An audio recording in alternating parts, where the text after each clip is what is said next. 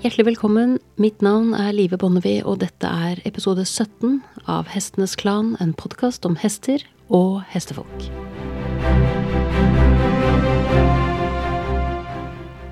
I dag markerer jeg en aldri så liten milepæl, og jeg tenker det er tid for å gjøre opp status.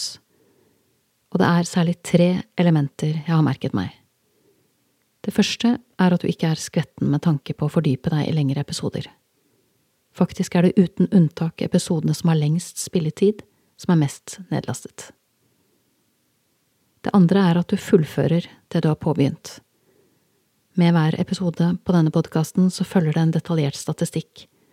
Det vil si at jeg kan se om du hører hele episoden, eller velger å hoppe av underveis, noe som gir en god indikator på hva som interesserer deg mest, og jeg merker meg at dine vurderinger er sammenfallende med mine. Det tredje jeg merker meg, er at du forstår engelsk godt, men foretrekker norsk når du lytter til en norsk podkast. Det er summen av disse tre elementene som utgjør det viktigste jeg har å navigere etter i arbeidet med å bygge en plattform som er solid nok for de virkelig interessante samtalene. Og basert på de tre nevnte elementer har jeg denne uken valgt å gjøre et taktskifte. Denne podkasten rundet 15 000 nedlastinger i forrige uke og har i dag det jeg antar er skandinaviske lyttere, i ikke mindre enn 28 land. Utfordringen i min ende er at i løpet av de 40 årene jeg har drevet med hest, så har jeg etter hvert fått kontakter over hele verden, og det begynner å plage meg at det var veldig mange av dem jeg svært gjerne skulle diskutert innholdet med, som ikke forstår et eneste ord av hva jeg sier. Så for å markere min første jubileumsepisode har jeg i dag lansert en engelsk søsterpodkast med tittelen Clan of the Horses. Planen min er videre å gi alle mine norske episoder en engelsk språkdrakt i løpet av året, og laste dem opp én etter én på den engelske podkasten. Her vil jeg også samle alle mine engelskspråklige intervjuer fremover. Hva får dette å si for deg? Jo, det vil innebære tre ting. For det første får du heretter alt innhold på norsk. For det andre får du en mulighet til å diskutere innholdet med hestefolk fra andre nasjoner. For det tredje skal jeg sikre at du ikke går glipp av noe. Du vil få kuratert innhold fra den engelske podkasten på norsk her, samtidig som du selvfølgelig får muligheten til å høre originalen på engelsk hvis du foretrekker det. Og det vil ikke bli slik at den norske versjonen av podkasten blir liggende brakk på noen måte. Jeg vil fortsette å laste opp nye episoder og intervjue norske hestefolk som før. Jeg har også bestemt meg for å foreta et hamskifte, der jeg motvillig bytte fra Anchor til Acast. Dette skal ikke medføre noen merkbare endringer i din ende hvis du allerede er abonnent. For overgangen er lovet å være helt sømløs, men jeg er jo ikke helt 100% overbevist og må innrømme at jeg krysser fingrene for at det stemmer. Det gjenstår å se. For at dette stuntet med to podkaster parallelt skal være forenlig med en fulltidsjobb som produsent og utviklingsprodusent i nordisk film, kan det hende at jeg endrer utgivelsestakten litt i en overgangsperiode for å skape det nødvendige rommet jeg trenger for å spille inn de engelske episodene. I verste fall må kortformatene vike i september og oktober, så du må nøye deg med episoder annenhver mandag, men jeg skal prøve å unngå det. Men dersom det er radiostillhet herfra neste mandag, så håper jeg at du bærer over med meg. Og så til saken. Til det som er hjertet i denne podkasten. Til hestene. Jeg tenkte jeg skulle innlede med en betraktning om hva det får å si for min relasjon til min egen hest at jeg jobber med denne podkasten. Det er en såpass omfattende prosess å gå gjennom så mange lag av min egen erfaring med hester, at jeg merker at hesten min responderer. Jeg hadde litt den samme erfaringen når jeg skrev Hestenes Klan også. Jeg har jo alltid vært opptatt av at det skal være så liten forskjell mellom liv og lære som mulig. Og når jeg bruker så mye tid på å formulere min reise med hester gjennom 40 år, blir jeg uunngåelig også mer bevisst, og mer fokusert, mer lydhør i mitt møte med hestene, både min og andres hester. Og jeg synes det er veldig interessant at jeg kan merke forskjell i forhold til hvordan de responderer med meg. Jeg tenkte i denne episoden å invitere deg til å sitte på skulderen min mens jeg tilbringer tid med min egen hest. Ikke i sanntid, dessverre, for da trenger jeg å ha fokus på plass og begge skuldrene fri, bokstavelig talt. Det er ikke alle som har et forhold til det, Men avslappede skuldre, altså det motsatte av de skuldrene du tar med deg hjem fra en travel hverdag, er svært viktig når du kommuniserer med hester, enten det er fra bakken eller fra hesteryggen. Å tilbringe tid med hester er for meg å tillate seg selv å være i en tidløs modus, der all kommunikasjon skjer mellom to kropper som er i direkte eller indirekte kontakt. Den siste uken så har jeg to økter med hesten min som er egnet til å gi deg et innblikk i hvordan jeg legger opp tiden jeg tilbringer med hesten min. Den første økten kom i form av bakkearbeid. Der jeg drev med løslongering eller liberty work, eller hva man nå velger å kalle det, når man jobber hesten fra bakken og den ikke har noen ting på hodet. Jeg kan godt også jobbe hesten min for hånd, på lange tøyler eller en sjelden gang ved å longere med to tøyler men denne spesifikke økten foregikk altså fra bakken uten noen former for utstyr. Det vil si, jeg hadde utstyr på under oppvarmingen. Jeg er veldig opptatt av at hesten skal ha en varm og forberedt muskulatur før jeg begynner med bakkearbeid, særlig hvis hesten er løs. Og jeg vil ikke ha den oppvarmingen på banen, for jeg har ikke lyst til å bruke opp det rommet som banen representerer. Derfor pleier jeg alltid å leie en tur før jeg starter. Og da har vi en eh, ganske fast rutine, hesten min og jeg. Det første vi gjør, er å gå til et sted hvor det er en bestemt type leire. Jeg vet ikke hva den leiren inneholder, hva slags type mineralforekomst eller hva det dreier seg om. Det eneste jeg vet, er at de første fire årene jeg hadde hesten min, så ville han gjerne spise den leiren hver gang vi var på tur. I år har han ikke gjort det. Så hva det nå enn var han manglet, så virker det som om det har balansert seg. Det andre stedet jeg går innom, er et område hvor det vokser kjerringrokk. Særlig Litt tidligere på sesongen enn nå, så er det veldig ofte at han ønsker å spise det, men i år har han heller ikke rørt den. Det er sånne ting som jeg tenker det er interessant å ta med seg når man har hest. Det er å følge litt med på hvordan de ønsker å medisinere eller eh, sørge for ernæring for seg selv, hvis de får velge. Han har også en bekk som han alltid drikker av. Jeg vet ikke om det er smaken på vannet, det at det er i bevegelse, eller det at det bare er kaldt. Men jeg har jo denne da trepunktsrunden som jeg går innom, hvor det er en runde med leire, en runde med kjerringrock og over en bekk. Og denne dagen var han ikke interessert i noe av det, men jeg er opptatt av at han skal ha hatt muligheten. Så kanskje du tenker allerede nå at dette ikke høres ut som oppvarming, og da kan jeg minne deg om at det betyr at du ikke har senket de skuldrene vi nettopp snakket om. Det blir tidsnok varmt. Man må bare ta seg tid. Så det jeg gjør, er at jeg leier hesten en runde i skogen, og når jeg kommer tilbake til banen, så slipper jeg ham. Og det første han gjør da, det er at han, i mangel av bedre ord, han hviner.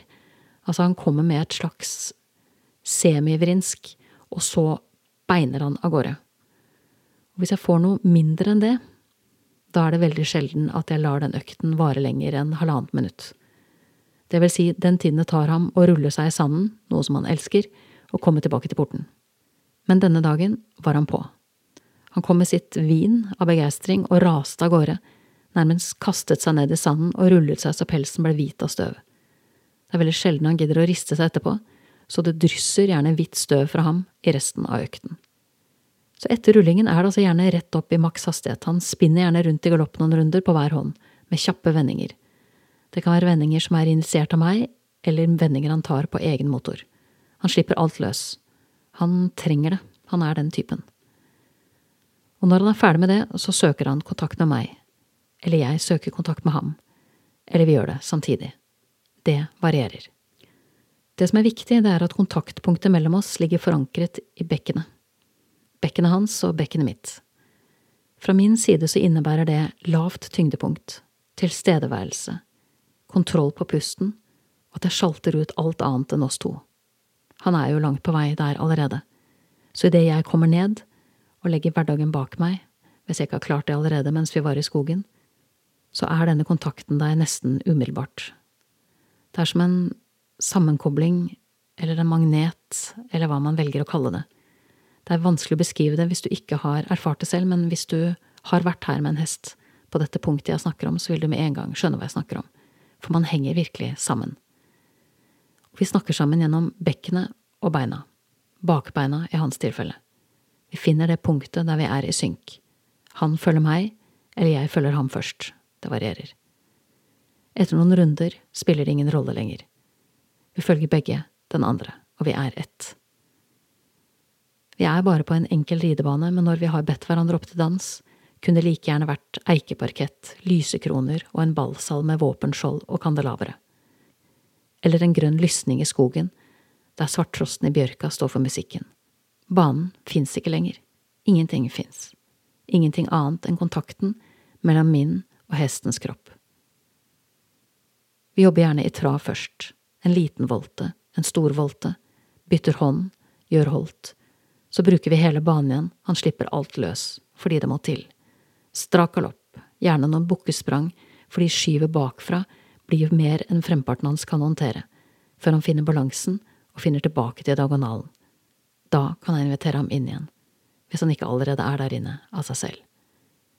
Galoppen hans blir fin og rund, han gjør volten mindre, eller kanskje er det jeg som gjør det. Det spiller ikke noen rolle lenger, vi er langt forbi det nå. Jeg gjør mine til å bytte hånd, tar et lett steg tilbake, han følger og sjangerer. Et rent bytte, noe han egentlig har slitt litt med å finne ut av, siden han har litt issues i bakparten. Det ble en delt kryssgalopp i begynnelsen, men nå satt galoppbyttet som et skudd, og han farer av gårde som et prosjektil og spinner noen runder igjen, for det kjennes godt ut å være balanse, det kjennes godt ut å være sterk, og det kjennes godt ut å være smidig, og som alle andre hester liker han det. Vi gjør holdt igjen, jeg roser ham, oppmuntrer ham, skryter av ham idet vi bytter hånd. Han gjør storvolten mindre i trav før jeg foreslår det. Han vil sjangere og bytter til galopp. Han venter på signalet, men blir litt for ivrig og bukker seg gjennom byttet før han er klar, og før jeg har spurt om noe. Jeg svarer med å invitere ham helt inn til meg, roser forsøket, stryker ham over halsen, stryker ham over ryggen og lar hånden hvile på krysset et øyeblikk for å hjelpe ham å kjenne sin egen kropp. Så slipper jeg ham fram igjen. Denne gangen er framparten lett nok. Han bytter ubesværet galopp, lekende, enkelt. Når han stopper neste gang, så senker han ryggen et øyeblikk og snøfter som en drage. Han har nettopp kjent på sin egen kraft, sin egen balanse, fluktdyrets forsvarsverk, men det er ingen rovdyr å se. Når han traver frem igjen, er neseborene fortsatt viet ut, Stegene er florlette og nakken krum. Han har det godt i kroppen sin, og han følger meg når jeg setter kurs mot porten. Det er her vi lukker partituret, samler notene så det ikke drysser utover og blåser bort. Det er her. Ikke en takt eller en tone mer enn akkurat dette. Jeg tar på grimen og leier ham ut på et område med kløver og løvetann, som er hans klare favoritt på denne tiden av året, nest etter bringebærblader. Regnestykket er omtrent 15 minutters oppvarming i skogen, 10 minutter på banen og 30 minutter på kløver. Kveldshimmelen er rød, og solen har forsvunnet ned bak åsen når jeg leder ham ned på beite igjen. Jeg slipper ham og takker ham, men han går ikke. Han blir stående ved porten, fordi vi fremdeles er koblet sammen. Jeg må gi ham tid. Tid til å gi slipp. Han trenger det. Alle hester trenger det. Så er han klar, han senker hodet, rister nakken så manen flagrer rundt halsen, og går rolig innover i skogen på beite. Og jeg vet at neste gang jeg kommer, vil han møte meg akkurat der vi slapp. Den andre økten jeg har lyst til å dele med deg, var en tur jeg red i går.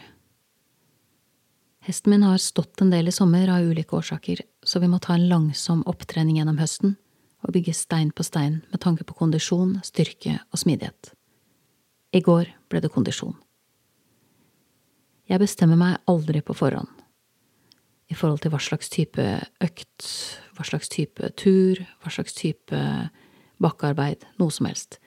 Jeg møter opp på stallen med blanke ark, og det er en av grunnene til at jeg ganske sjelden egentlig gjør avtale på forhånd om hvem jeg skal ri med og hva vi skal gjøre. Jeg lar møtet med hesten avgjøre hva det blir. Også når jeg rir, eh, insisterer jeg alltid på å leie før jeg setter meg opp. Det handler om at jeg ønsker å ta pulsen på hesten min, for å sikre meg om at jeg kobler meg på samme frekvens som ham fra bakken først. Og den modusen han har, den speiler jeg, og det er den modusen som styrer hva slags tur eller trening det blir, eller når det blir noe tur i det hele tatt. Det forutsetter at han fortsatt gir meg sitt ja. Det er egentlig sånn for meg at jeg vil ha et bekreftende ja i flere ledd. Det første ja jeg ser etter, er når jeg henter ham på beite. kommer han meg i møte, og hvis han kommer meg i møte, er han så interessert i å gå til porten. På en dag hvor det er aktuelt for Marie, så vil han typisk komme meg i møte først, og så knapt ha tid til å hilse før han går mot porten. Så det er det første ja jeg er på jakt etter. Når jeg så kommer opp i stallen og har pusset og gått over og tatt høven og gjort alle de vanlige tingene, så er det neste ja jeg er på jakt etter når jeg henter salen og legger den på. Og Nell tar hodelaget fram og legger det på. Hvis det finnes noen reservasjoner i noen av disse fasene, så saler jeg av igjen og leier ut igjen. Jeg har ingen, det har ingen verdi for meg lenger å ri en hest som ikke har gitt meg sitt ja. I forlengelsen av dette så kan jeg skyte inn at uh, jeg er stadig mindre interessert i å ri andres hester ut fra et uh, innfall eller en tilfeldighet. Jeg får jo tilbud om å ri hester hele tiden, og det sier jeg jo så godt som aldri ja til lenger, fordi det er ikke naturlig å sette seg opp på en hest man ikke har en relasjon til. Og det er ikke naturlig å ta for seg på den måten som jeg gjorde før. Jeg, jeg syns det For meg er det blitt helt naturstridig, rett og slett, å skulle bare klatre opp på en hvilken som helst hest som dukker opp foran meg, og ri av gårde som om det er en gudgitt rett. Jeg anser det ikke som en rett i det hele tatt. Jeg anser det som at jeg er en gjest i hestens liv, og jeg prøver å oppføre meg som en, ikke være for grådig og ikke forsyne meg for eh, ukritisk. Så når jeg da er på stallen med min egen hest, så har jeg da alle disse punktene jeg på en måte går igjennom for å sjekke at det fortsatt finnes et eh, ja der. Og hvis det er slik at dette ja fins, så tar jeg med meg ut og leier ham før jeg rir. Og det er det neste punktet. Jeg bruker jo den tiden hvor jeg leier ham til å sjekke hvilken modus han er i, som blir veldig styrende for hva slags type tur det blir, og hvis jeg rir med sal, så bruker jeg også tiden godt i forhold til å stramme salhjorten langsomt. Jeg er aldri en sånn som drar den til. Jeg tar ett hull om gangen på annenhver side og tar god tid på det. Og da jeg skulle ut i Riem i går, så var energien hans energisk, og steget var likeså. Han hadde egentlig hatt eh, fire dager med litt pause imellom, hvor vi kun hadde ridd eh, rolige, korte turer barbakk, så man kan kanskje si det sånn at kruttet var tørt, og når, når kruttet hans er tørt, så kan en tent fyrstikk fra meg være en velsignelse. Men jeg er veldig varsom og tenner aldri på hele lageret. Jeg holder alltid litt igjen. Jeg vil ikke at han skal gi alt. Det er viktig for meg at han opplever at han har mer igjen å gå på. Det har betydning for hans mentale helse, for hans sikkerhet. Det er ingen hester som liker å ta seg helt ut, for hvis de treffer en løve rundt neste sving, så koster det dem livet. Så jeg vil at han skal ha noe igjen. Jeg vil at han skal oppleve mestring, og jeg vil at han skal kjenne seg sterk. Det jeg gjerne legger opp til når hesten har den modusen han hadde i går, er en rask tur som ikke er for lang. Han kan godt være andpusten, men jeg vil ikke at han skal være sliten. Når vi er ute, vel ute i skogen, og han har fått gått seg litt varm, og jeg har fått gått meg varm, og vi har begynt å komme i samme modus, så sjekker jeg gjerne om han står fast ved sitt ja før jeg setter meg opp. Jeg stiller meg gjerne opp på noe, fordi jeg liker ikke å bruke stigbøller når jeg går opp på hesten, av hensyn til nervene som ligger rundt manken. Så jeg stiller meg gjerne opp på noe, og hvis han da kommer bort, så, så er det hans ja. Og jeg fikk et u, helt ubetinget ja fra ham i går, og satte meg opp og tok kontakt på tøylen. Han fant rammen sin, var stabil i formen, søkte etter bittet, brukte seg bakfra, og fant fjæringen og spensten i kroppen. Og alt ble sommerfuglett. Og det gjør noe med sitsen og hendene mine også. Det blir sommerfuglette, de òg. Og det er en ting som jeg tenker veldig mye på, at ansvaret som hviler på oss som ryttere, er at hesten ofte svarer på det den får fra oss. Så det betyr at hvis vi møter hesten mykt og med letthet, så er sjansen for at vi får mykhet og letthet tilbake, utrolig stor. Vi rir innover skogen, og det er en ganske bratt løype vi rir, og pusten hans går tungt i de bratteste bakkene, men han vil fram selv, og jeg lar ham velge tempoet innover i skogen. Det går mye galopp, det er noen islett og trav i enkelte partier. Vi rir opp til en høyde, og den er ikke for kort unna, og ikke for langt. Og så rir vi kun skritt på veien hjem. Veldig ofte så går jeg av og leier på veien hjem, fordi jeg har latt hesten ta seg en del ut på vei ut, og fordi at jeg vet at rytterens tyngde er tung for dem. Altså det er rikelig med forskning som tilsier at man ikke bare kanskje kunne latt være å ri, men at man i hvert fall, om ikke annet, er nødt til å virkelig vurdere hva slags sal man legger på, og med hvilken balanse man rir hesten sin. Men denne gangen, i går, så valgte jeg da å ri ham også hele veien hjem. Og det handler om at jeg også syns det er viktig at han kjenner på vekten min i de bratte nedoverbakkene, så han får tid til å kjenne hvordan han skal balansere seg, og jeg er nøye med hvordan jeg plasserer meg i salen. Jeg passer på å skape litt ekstra luft og rom mellom overskjenklene.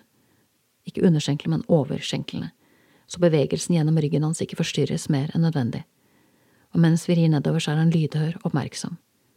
Hesten min er en speider av natur.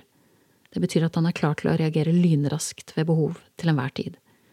Å få ham til å skritte rolig i en sånn modus som han hadde i går, krever en rytter som nynner. Og det jeg har erfart med hesten min, det er at gamle norske folketoner er det som fungerer best. Han liker antageligvis bare den stemningen de setter, måten de renner nedover ham på, eller dybden de gir pusten min, det er vanskelig å si. Så jeg sitter og nynner, han finner en rolig takt, og jeg gir ham lange tøyler. Og mens vi skritter ned mot stallen, så kommer en hvit sommerfugl som flyr ved siden av oss det siste stykket. Her og der lander den på de siste blomstene før høsten kommer tistlene, kløveren, begge blomstrer i samme fargetone, og jeg nynner. Hesten Søver holder en fin, jevn firtakt på den myke tømmerveien, og for meg så er det dette som er ridning. Du har nettopp hørt episode 17 av Hestenes Klan, en podkast om hester og hestefolk. Takk til min faste komponist Fredrik Blom, og sist, men ikke minst, takk til deg, kjære lytter, for tålmodigheten måtte hesten for alltid være med deg.